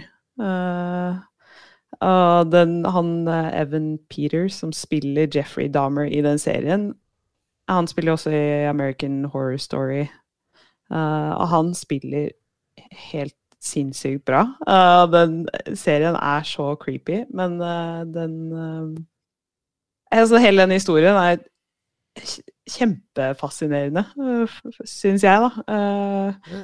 Men der er det jo jeg visste ikke det, men det var jo et av ofrene hans var jo ute av døra og var fri og ble liksom stoppa Altså politiet var der og snakka med han og fulgte han tilbake inn i leiligheten til Jeffrey Dahmer. Hvor han da ble, senere ble drept og partert. Ah. Og det, det, var sånn, det er en helt uh, syk historie. Uh, så jeg visste ikke ja, den, Jeg har sett den på Netflix, jeg har uh, vært litt nysgjerrig på den. Ja, den kan virkelig anbefales. Det er veldig, veldig bra skuespill, og det er veldig Altså, ikke se den til middag, for eksempel, for er jo, det er jo noen ganske brutale scener, men den er Ja, den gir, litt, gir et innblikk i hva som skjedde, og jeg tror ikke man kan forklare hvordan man blir sånn med en litt sånn kjip oppvekst og sånne ting. Ja. Er det helt eh, slutt på sånne seriemordere i USA? For før, før, var det Ed Gaines og Jeffrey Dahmer, og det var alle disse creepy som kidnappa og voldtok og drepte folk og lå med likene deres og parterte de. Nå er det bare sånn der Skal jeg dra, stille meg på et bygg med og så skyte masse folk? Det er sånn masseskytinger nå. Det er ikke, det er ikke seriemordere lenger. De har ingen stolthet lenger. Nei, det er ingen stolthet. Dette er også noe du bør ta opp på jobb. Altså, Seriemord er jo en amerikansk oppfinnelse. De har jo en del sånne i Japan òg. Ja, det er sant, de har, der er de jo ganske Det er noen ganske syke folk der også, men um, Nei, jeg vet, ikke, jeg vet ikke hvorfor eh, liksom, det har utvikla seg til å bli skoleskytinger og sånne ting istedenfor gode, gamle seriemordertrenden. Men, det er noe galt med seriemorder, liksom. altså. Make serial killers great again uh, er den nye kan seriemordere er blitt så flinke at de ikke blir tatt lenger, ikke sant? De ja, det kan være. Det er lenge siden vi har hørt om en skikkelig seriemordersak. Ja, så De er sikkert mye flinkere til å velge ofre som uh, Altså, det er jo mye Det er kanskje litt vanskeligere å være seriemorder i dag, fordi du har så mye forensic evidence og, og, digitale spor og sånne ting enn det var før i tida, der uh, det var lett å plukke opp haikere. og ja, ellers er det det at de seriemorderne er blitt smartere. Er det, jo, ja. det er så mye dokumentarer og TV-serier om hvordan man skal klare å kvitte seg med lik og sånne ting. Så kanskje ja, ja. Og dark web, så du, får du jo tips og triks, så kanskje På den norske Wikipedia-sida til Jeffrey Dahmer nå, han hadde tre kallenavn, vet du det, Lars? Hva var det? The Monster of Milwaukee, El Carnicero de Milwaukee og El Cannibal de Milwaukee. Mm. I tillegg så hadde han beskjeftigelse. Han har fire beskjeftigelser hva heter det, beskjeftigelser. Han var seriemorder, konditor, soldat og serievoldtektsforbryter. Det var hans yrke. Ja, han var i US Army en periode før han ble kasta ut. Uh, han, var, ja, han var flink til å late som i, i perioder, men uh, Nei, det, ja. Jeg anbefaler den serien. Det var ikke se den hvis du er, ikke er så glad i blod og men du som sitter hjemme alene, en single white female, sitter hjemme alene mørkt og høst ute, klarer du å se på sånne her eh, skumle ting? Å, jeg synes det er kjempe... Og gå og legge deg etterpå, og sjekker du låsen ekstra? Nei, eh, det er jo det som er eh, litt av fascinasjonen for akkurat den For det er jo ikke bare meg, det er jo en Det er jo ganske mange hvite, enslige kvinner som ser på sånne seriemorderserier ja, uten, å bli, uten å bli engstelig av det, men som kan sitte og se en skrekkfilm som er helt urealistisk, og bli og skvette av skumle scener. Men her sitter du faktisk og ser på noe som har skjedd, og mm. som, som kan skje. Og det er ikke skummelt i det hele tatt. Det er bare interessant. Ja. Eh, Så jeg, jeg vet ikke helt hva det Hva det konseptet skyldes, men det er eh, Nei, det er noe med den, den Prøve å forstå hva som foregår i hodet på en mann som er så syk at han gjør det her med Ja, det var vel 17 stykker. Mm. eh, Som han eh, Jeg tenker jo at en sånn eh, massemorder som bare går helt amok og bare har fem avkappa hoder i leilighet og sånn her, det, da, da klarer du ikke å planlegge så veldig rasjonelt, egentlig, tror jeg. Nei, men altså, det som er Altså, sånn som hun naboen hans, da. Han bodde jo i en leilighet, og, der, og hun klagde på Altså, hun klagde på lukta, for han oppbevarte jo lik i leiligheten. Og hun klagde jo på den lukta i over et år.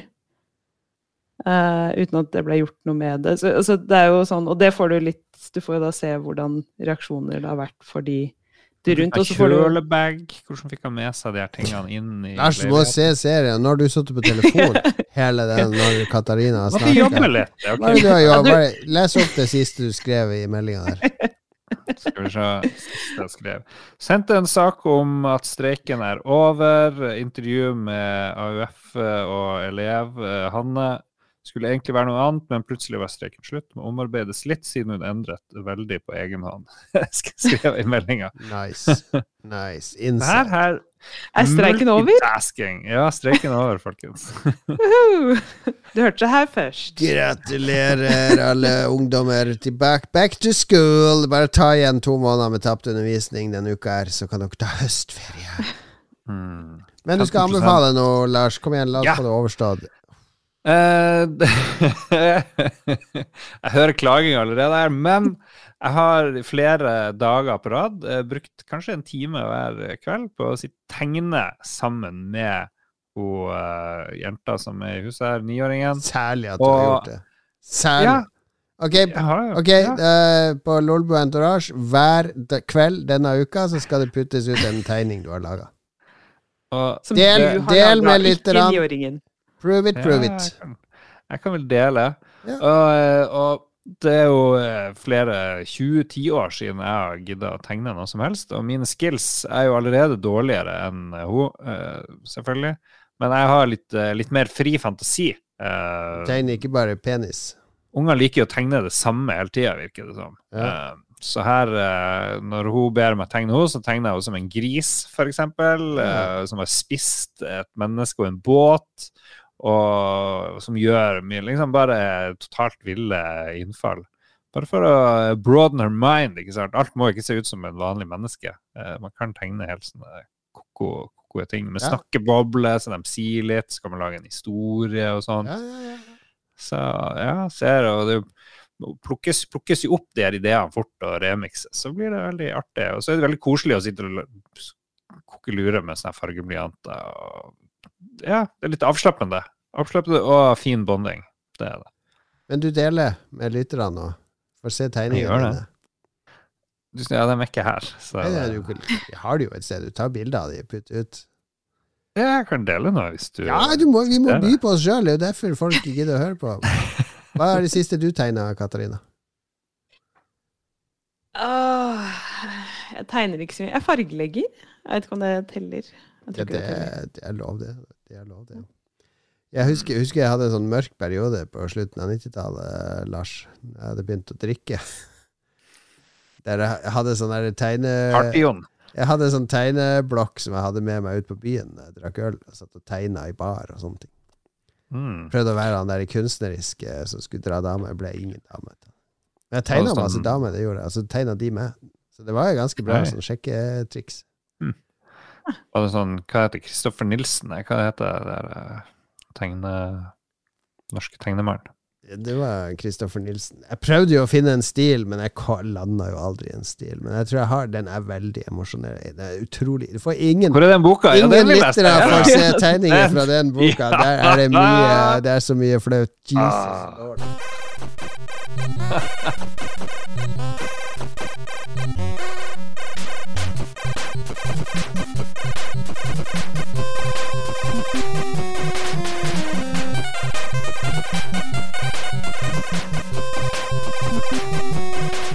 Hvilken Bruce Willis-film er dette spillmusikk fra? Herregud. Var det 86, liksom? Nei, det er ikke, alt er ikke fra 86 her. Det må være Hudson Hawk. Så- Det er Hudson Hawk! Ja da.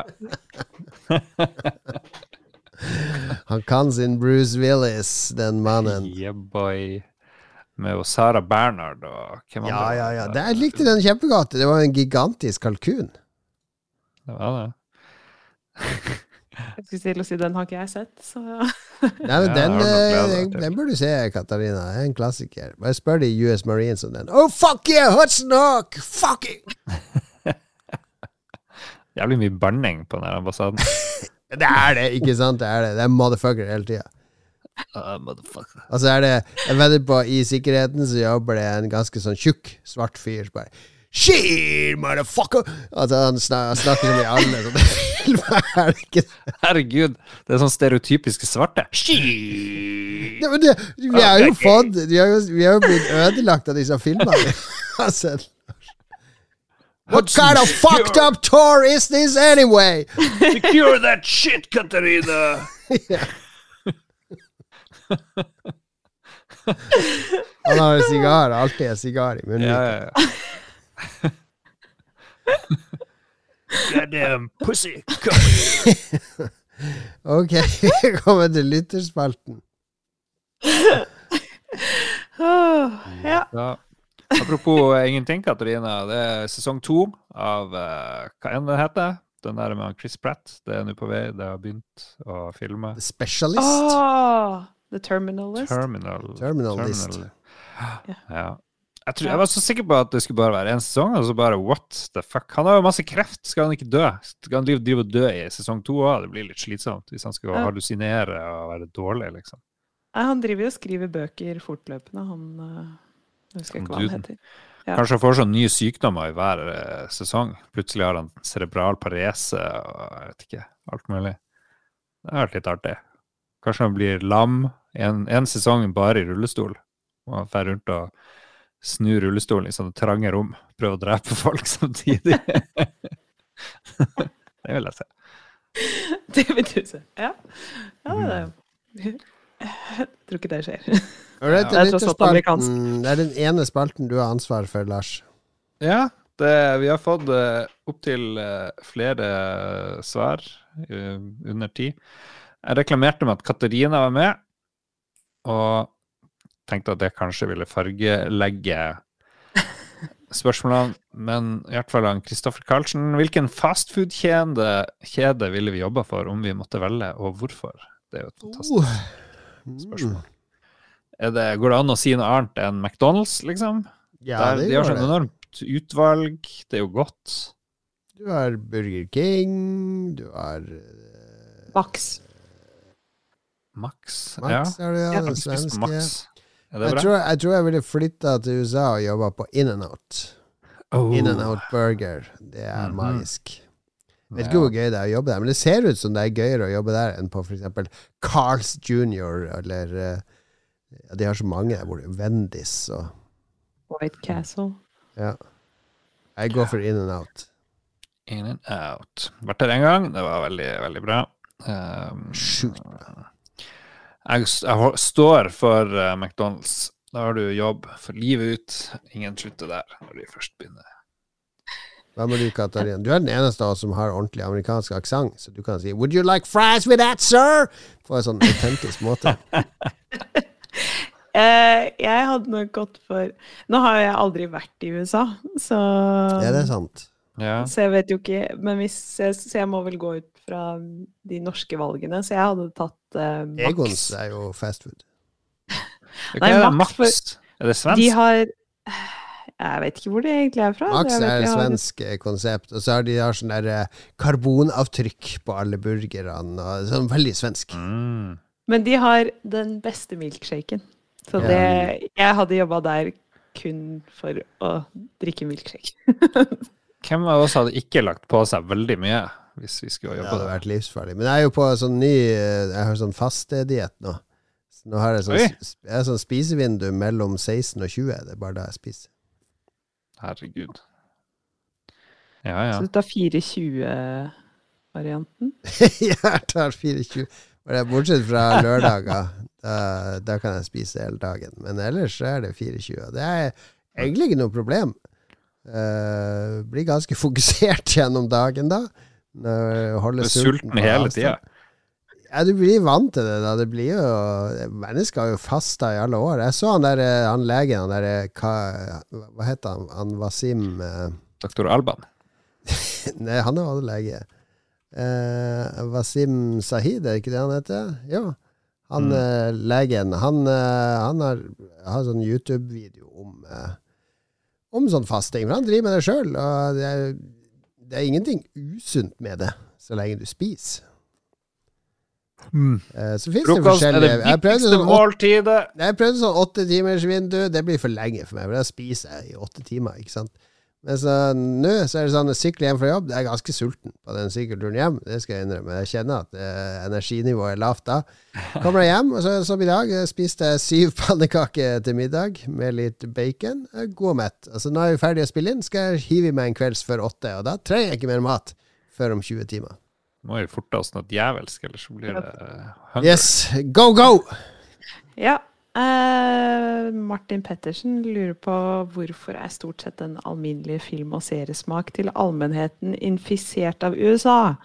Jeg har venner som ikke orker å se på film fra f.eks. Asia. Burde Hollywood brenne og indiefilm hylles? Hjelp meg her, Jon Taco Boy. Så nummer én, hvorfor hoppa du forbi veldig mange? Men ok, nummer to Nei, det er Ja, den som er topp hos meg! Ja, det, er- det er feil. Ok. Nei, men det vi kan svare på Altså, vi er jo Norge har jo alltid vært eh, trakta mot USA. Eh, Donald Duck og ja, Masse av vår kultur har jo bare vært adoptert fra USA fra barndommen av. Så det, det er jo ikke noe rart at vi elsker USA, og så skjønner vi engelsk, så vi henger lettere med, og så har vi en sånn illusjon om at USA er, eh, er et eh, fantastisk eh, sted å trekke, strekke seg etter.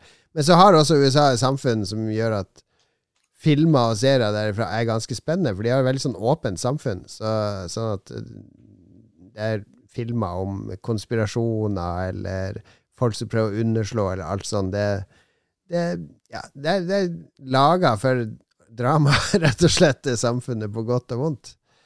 Så det er ikke rart at vi trakter mot det, og det er veldig velutvikla uh, system for å lage filmer. De har perfeksjonert det, filmer og serier. Så jeg syns ikke det er rart. Vi kjenner oss igjen. ikke sant? Vi ønsker, vi, vi kan speile oss sjøl i det vi ser. Og det er nok litt vanskeligere med indisk film eller asiatisk film, for det krever litt mer av oss. Og, det, og de vennene dine, det er idioter eh, som ikke vil utvikle seg. Og dem om det.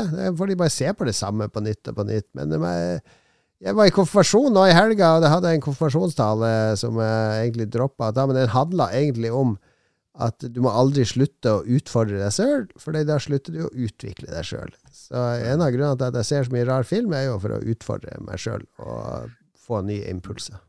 Det som er trist nå, det er jo at eh, greit nok, det er veldig mye film å se på Netflix og hist og piss, men eh, de her filmklubbene, jeg vet ikke om de eksisterer lenger. Vi var jo på litt sånn her eh, filmklubb i Oslo en periode og så ting, og var med i Harstad og Alta da jeg bodde Gikk der. nok dukken mange under pandemien, dessverre. Ja. Så har du filmfestivaler enda der. Jeg anbefaler folk å dra masse på filmfestivaler. Ja, og Det er bra. Da, og da kan man ofte gå inn i sånn mindset, og da tror jeg du kan få dine venner også inn i sånn mindset at nå vi kjøper festivalpass, så ser vi tre filmer om dagen. Drit i å se trailere og lese masse om filmer på forhånd. Vi bare går inn. Blank slate, og så bare eh, tar vi imot det som kommer. Mm. Fins film fra sør eh, lenger? Der var det jo utrolig mye gull, for eksempel. Ja, det fins uh, fortsatt. Og, Ja, og andre det. festivaler. Hva er den siste Oslo filmen Fuckers. du så, Katarina, som ikke var amerikansk? Nå ser ikke jeg så veldig mye film, men jeg så eh, så ferdig en eh, serie Ja. her. Uh, Spriggan. og Det er anime. Det er lov. Det er innafor. Mm. Sweet.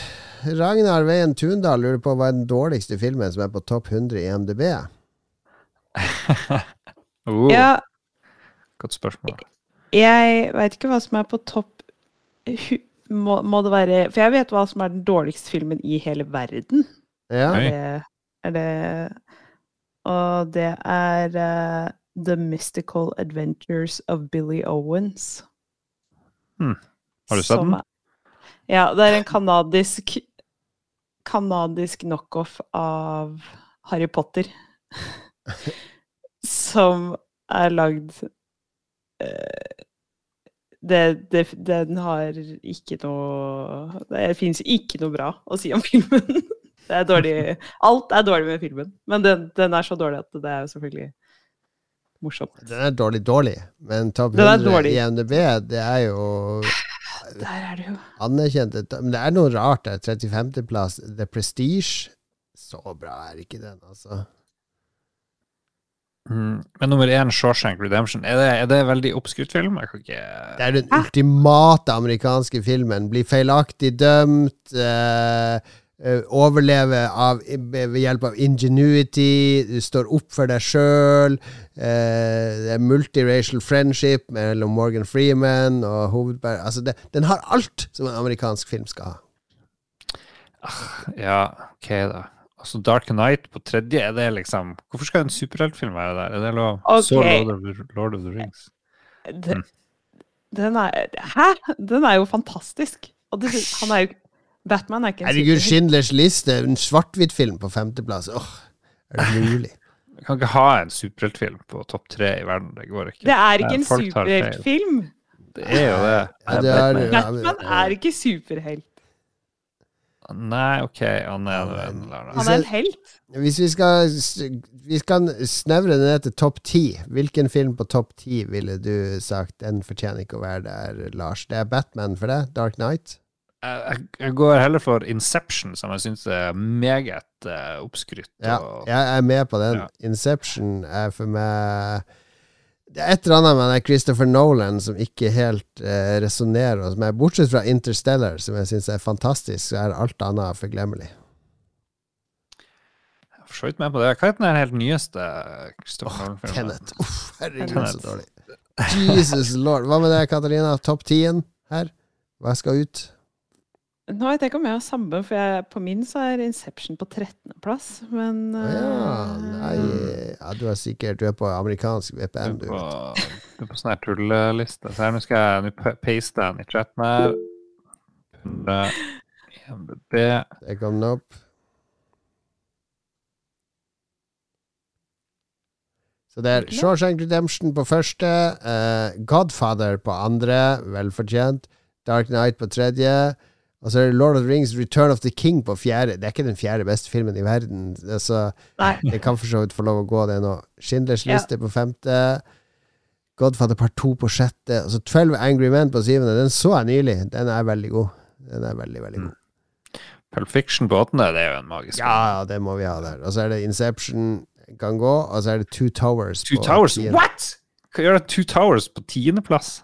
Jeg syns egentlig alle Jesus Lord of the Rings-filmene kan holde seg unna topp ti-lista. Reis til helvete, Lord of the Rings. Klar beskjed fra Katarina and the Marines. Det burde være bandet ditt. Katarina and the Marines. Det er jo det dere heter på å synge. Nice. Ah, ja. Okay, vi må forte oss. Jon Cato har bare Ja, spise spise, på. spise, spise. Sten Tony Hansen, hvordan feirer man halloween på den amerikanske ambassaden? Da har vi eh, Trick or treat, motherfucker! Ja, det har vi. Da får alle barn får komme inn på ambassaden hos alle kontorene. Kan barn gå trick or treat på den amerikanske ambassaden? Ja, altså barn av ansatte, da. Så vi Ja, dekorerer jo hele ambassaden, og så går de fra de forskjellige kontorseksjonene, og så deler de ut godteri og sånn. Hvis de ikke får godteri da, og kaster egg, da blir de skutt. Ja. Mm. Er Så, Sånn er det i Harstad. Men kler dere dere ut? Er det kostymer og Ja, altså så på kveldstid så har vi jo uh, Halloween happy hour, hvor alle har kler seg ut Uh. som halloweenfest. Koselig. Hvordan feirer du halloween i Harstad, Lars? I Eh, det blir jo spennende nå når det er barn i huset, ellers er det bare å skru alle lysene og gjemme Jeg får aldri svart på døra når de stakkars barna kommer ut Klasker og knep! Ja, men jeg tror ikke de kommer. Jeg tror de ungene her i Harstad bare gir totalt F. Men vi får se. De har hoppa over hele den tradisjonen, er rett på dop. Men unger er jo nesten ikke utendørs eh, generelt. Jeg ser ingen unger ute. Jeg tror alle er døde. Hva er det du gjør utendørs med dine unger? Nei, de får ikke lov å gå ut. Gå ut og leke kloakklekkasjen nedi hagen Ja. Stakkars unger.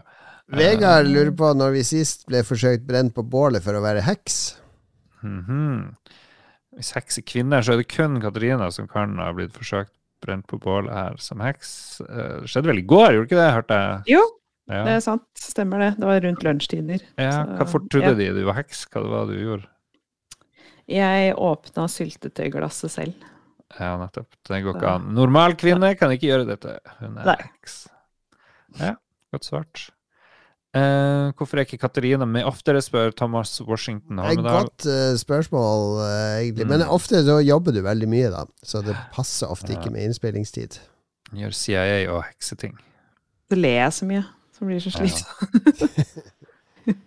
Og skal vi se Anders Thorsen Thoresen eh, vil snakke om kommunal avløpshåndtering. Det får ikke lov til. Og helt slutt, Thomas Washington Holmedal igjen. Hvilken konspirasjonsteori er mest troverdig? Og der kan hun Katrine få lov å avgjøre det hele. Flat Earth. Flat Earth. Mest troverdig. Mm. Ja, ja, ja. Mest troverdig. Du har ikke vært i USA? Du har ikke vært så mange plass? Nei, og jeg har jo ikke vært i verdensrommet. Jeg har jo ikke sett om Mm. altså, Jeg har ikke reist rundt jorda. Månelandinga, du, tror, du tror den eksisterte, men ikke, ikke at jorda er rund. Nei, jeg tror, jeg, tror, jeg tror ikke at jorda er rund. Uh, og så tror jeg vi har en sånn derre sånn domelokk. Så det er måne, månelandinga, det, det var jo ikke noe det heller. Så vi, det, det, det er ganske mye, da, som blir debunka. Uh. Ja. Hmm. Nei, men uh, glad for at vi har dem med. I desember 2020 så ble det jo foretatt en stor undersøkelse om hvilke konspirasjonsteorier de fleste amerikanere som tror på. Og det er jo uh, hele 17% som tror at en gruppe med Satan-worshipping elites runner child sex ring og prøver å kontrollere politics og media. 17 Mm. tror på det, og 37% er litt usikker. ja, den, eh, den Jeg har en kollega som tror på det. Eller jeg hadde en kollega som tror Mm. på det. Kult. Det er, det er flere som tror på det enn eh, 9-11 conspiracy theories og månelandingteorier. Så, så vet vi det. Ja. ja. Så her jeg fant uh, gamle ringeklokka. Den funker som faen. Ja, det var interessant. Og med det tar vi faktisk farvel. Den lyden det, kan, det er ditt eget soundboard. Som du kan ha Veldig fin lyd. Veldig fin. Og det er musikken som eh, drifter inn eh, i ørekanalen din nå. For det er musikken som sier at nå, eh, på ekte US Marine-vis, så skal dere to takke eh, våre produsenter. Oh. Well, listen up, motherfuckers. TTM XMP, get over here.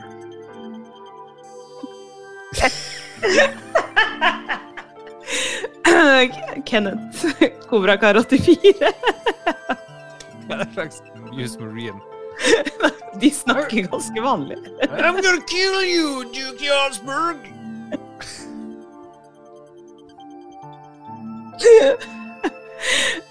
Hva slags marines er det du har hørt? Er Bare fra film! Det, det var vår eneste referanse. Ok. Bjørn Bjelland. Your mother was a donkey, wasn't she, Auntie Magnus? Takk, produsenter. Og takk, kjære lyttere, for at dere hører på.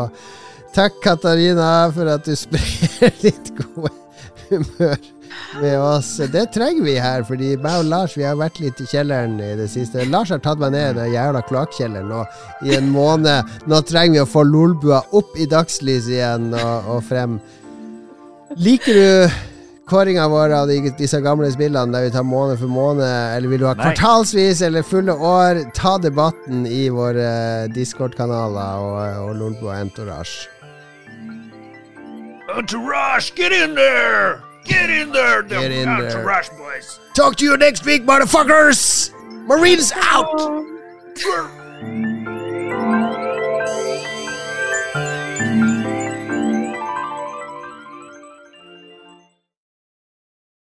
Har du et enkeltpersonforetak eller en liten bedrift? Da er du sikkert lei av å høre meg snakke om hvor enkelt det er med kvitteringer og bilag i fiken, så vi eh, gir oss her, vi. Fordi vi liker enkelt. Fiken superenkelt regnskap.